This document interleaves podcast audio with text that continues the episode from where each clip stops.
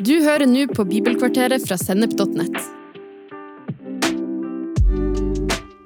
Bibelkvarteret er et kvarters påfyll i hverdagen fra Guds ord. Både til inspirasjon og introduksjon til viktige tema i Bibelen. Du vil også finne mer stoff på Sennep.net som gir deg inspirasjon til å følge Jesus i hverdagen. Følg oss på Facebook og Instagram, og abonner på våre podkaster i den podkastappen som du bruker.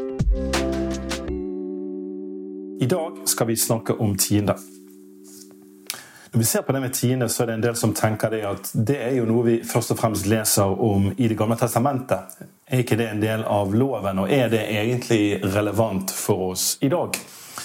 Vel, da er det viktig å slå fast først at Bibelen er én bok som handler om Jesus. Det er ikke sånn at fordi noe står i Det gamle testamentet, så er ikke det relevant eller gyldig eller har noe betydning for oss i dag. Og Vi finner flere skriftsteder i Det nye testamentet som slår nettopp dette veldig tydelig fast. Blant annet så har du historien i Lukas 24, som er Jesus som møter Emmausvandrerne. Og I samtalen med dem så sier han i vers 25 27 så uforstandige dere er, og så trege til å tro alt det profetene har sagt. Måtte ikke Kristus lide dette, og så gå inn til sin herlighet? Og han begynte å utlegge for dem det som står om ham i alle skriftene, helt fra Moses av og hos alle profetene. Så her sier Jesus at det står om ham i alle skriftene, helt fra Moses av og hos alle profetene. Og det er jo sånn at det som er vårt gamle testamente, var de eneste skriftene de første kristne hadde. Sånn at Når Paulus skriver til Timoteus at han skal legge vekt på opplesningen av skriftene, så tenker han på skriftene i GT. Når han i 2. Timoteus 3,16 sier at Skriften er innblåst av Gud, hvilke skrifter er det han tenker på da? Jo, de eneste skriftene de hadde, nemlig Det gamle testamentet. I Romerbrevet 15,4 så kan vi lese at alt som før er skrevet, er skrevet for at vi skal lære av det.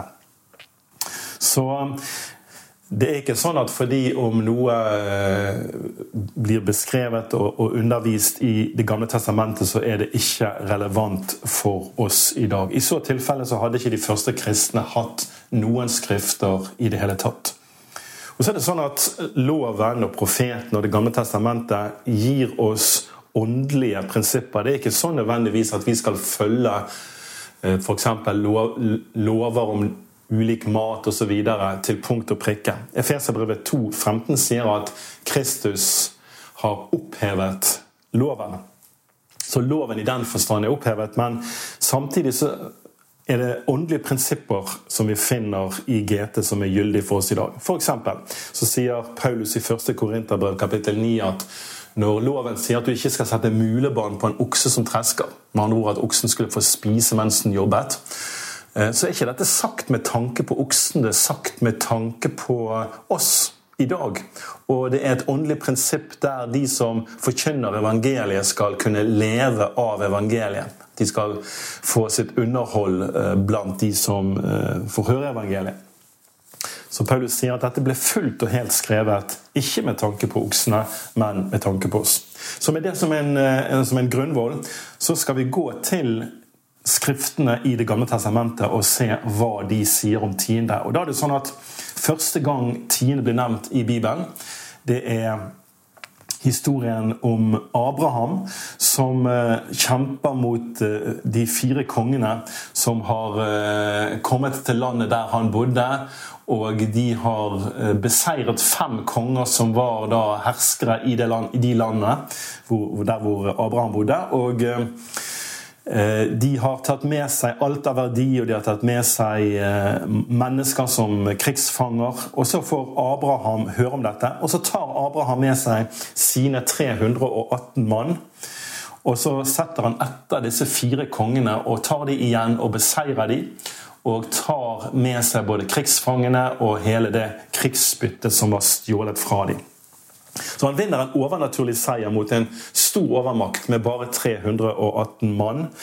Og når da Abraham kommer tilbake igjen, så finner vi det som vi skal lese om Tine i første Mosebok 14, 18-20. Og der står det slik som dette. Og Melkisedek, kongen i Salem, kom ut med brød og vin. Han var prest for Gud den høyeste. Han velsignet ham og sa, Velsignet er Abraham av Gud den høyeste, han som brakte fram himmel og jord. Velsignet er Gud den høyeste, som har gitt dine motstandere i din hånd. Så ga Abraham ham tiende av alt. Nå, denne Melkisedek som vi leser om her, han er en interessant eh, person. Og Vi finner mer om han i Hebreabrevet kapittel 7, de første tre versene. og Vi skal lese de versene òg. Og der står det sånn Denne Melkisedek var konge i Salem og prest for Gud den høyeste. Han kom og møtte Abraham og velsignet ham da Abraham vendte tilbake etter seieren over kongene. Og Abraham gav ham tiende av alt. Han er for det første Melkisedek. Navnet betyr rettferdighetens konge.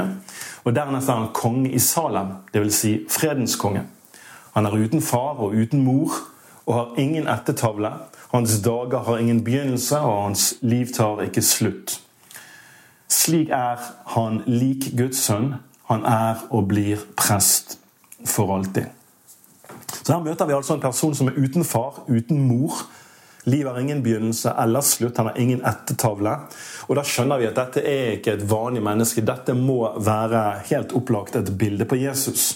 Det er ingen blant mennesker eller engler som ikke er skapt, og som ikke har en begynnelse. Eh, eh, alle andre enn den treenige Gud er skapt. Men her finner vi altså en som er uten far, uten mor. Eh, en som har et liv som ikke har begynt og ikke tar slutt. En evig prest. Og så beskrives han som konge og prest i Salem, i Jerusalem. Han kommer attpåtil med brød og vin og er en evig prest. Og Da skjønner vi at dette er et bilde på Jesus. Så Noen vil også si at det er en preinkarnert Jesus, altså Jesus selv som manifesterer seg. Eh, vi skal ikke gå inn på den debatten, men at dette er et bilde på Jesus, kan det ikke være noen tvil om. Og da er det sånn at Abraham, som en respons på den seieren Gud ga han, en overnaturlig seier over fienden, og eh, en, en stor, en, en stor si, gevinst som han vant i dette slaget. Han kommer tilbake som en rik mann.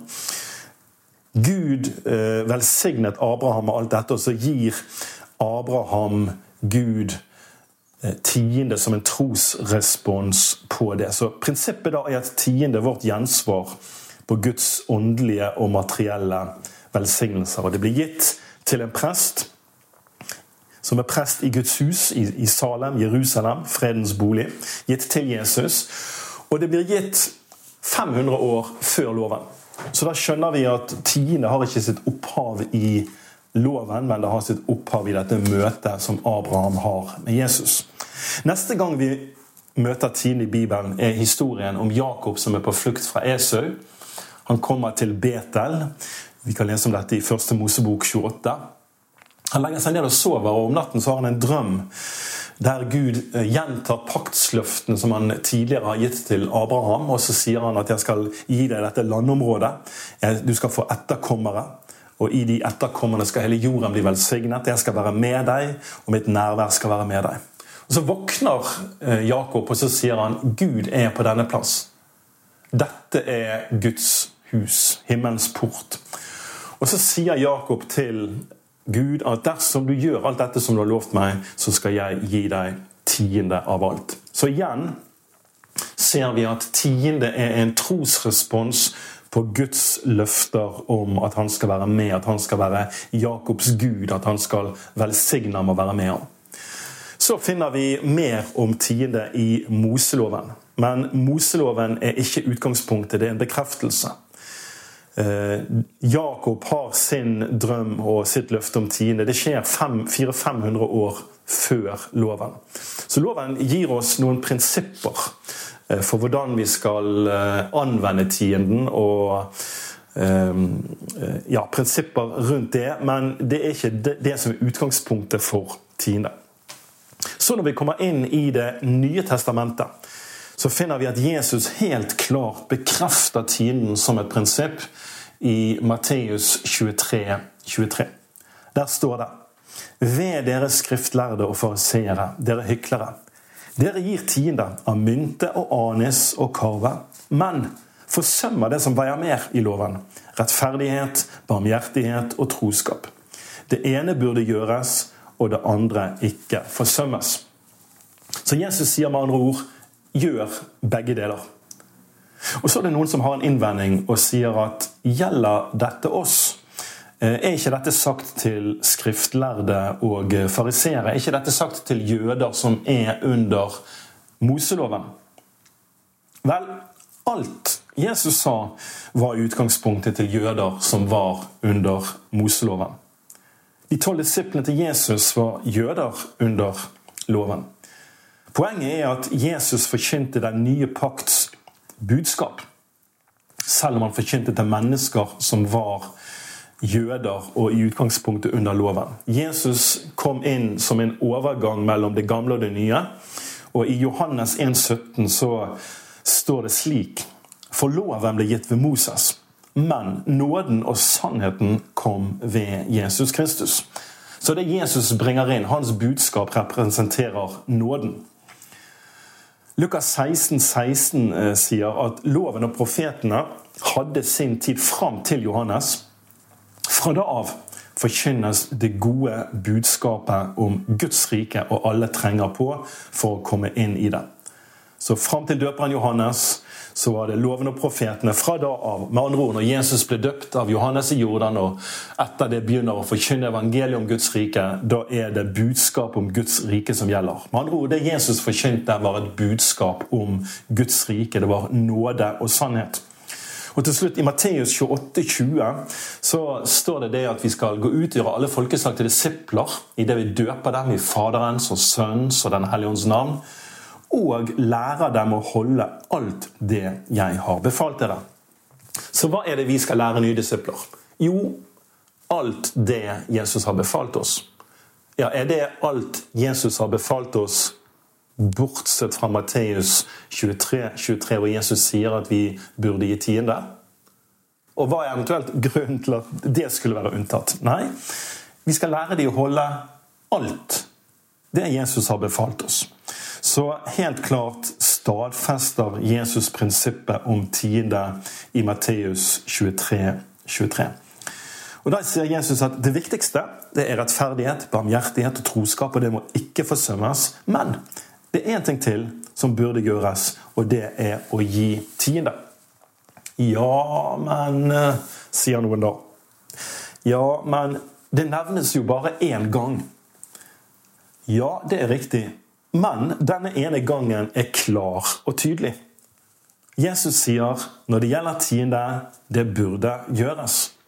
Og Kan jeg da si at når Jesus sier det klart og tydelig Per Arne, du burde gi tiende. Kan jeg da si til Han som er min Herre Ok, Jesus, jeg hører det, men jeg vil ikke gjøre det, for du har bare sagt det én gang.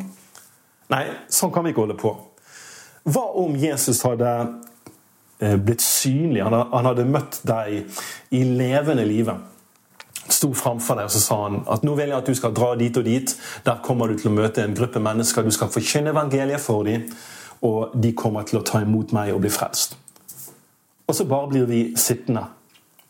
Og så ser Jesus på oss og sier, 'Du hørte hva jeg sa?' Eh, 'Ja, det hørte jeg.' 'Ja, Har du ikke tenkt å gjøre det jeg sa?'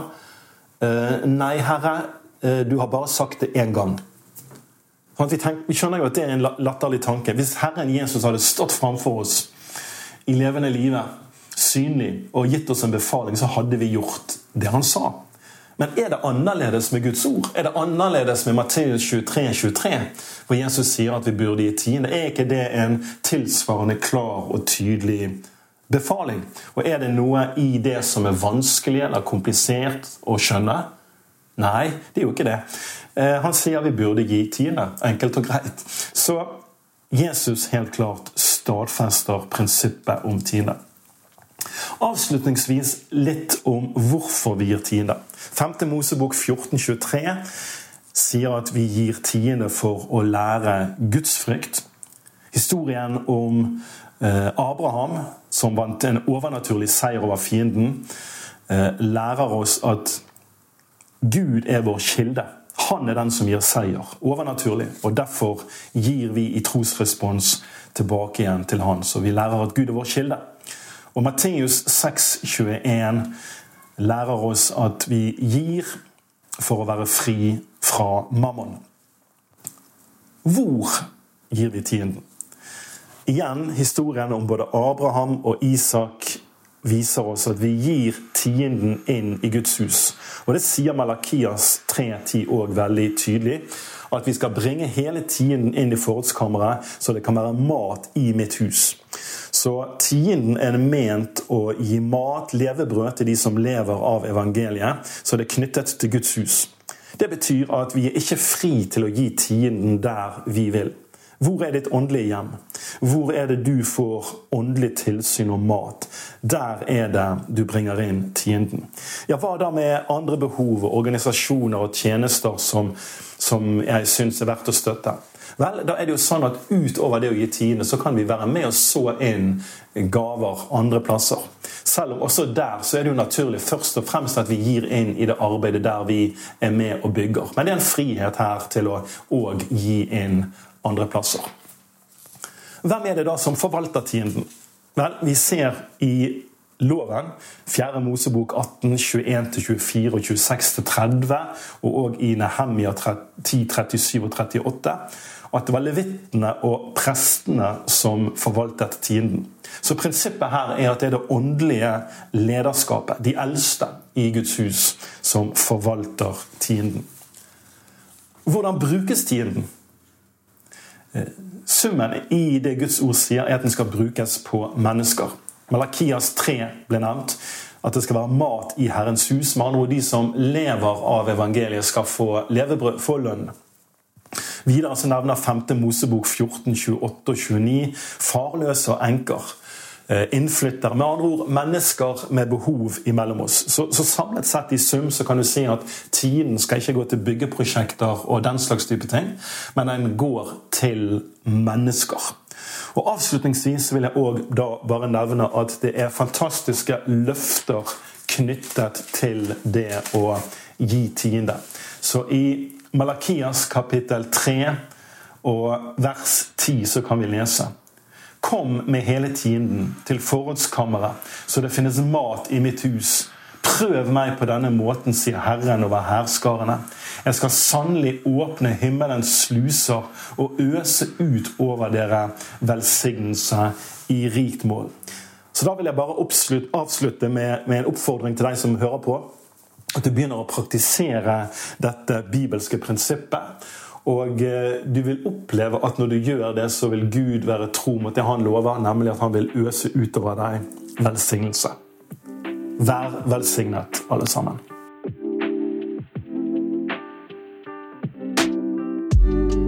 Du har nå hørt en episode fra Bibelkvarteret på sennep.nett. Du vil også finne mer stoff på sennep.nett som gir deg inspirasjon til å følge Jesus i hverdagen.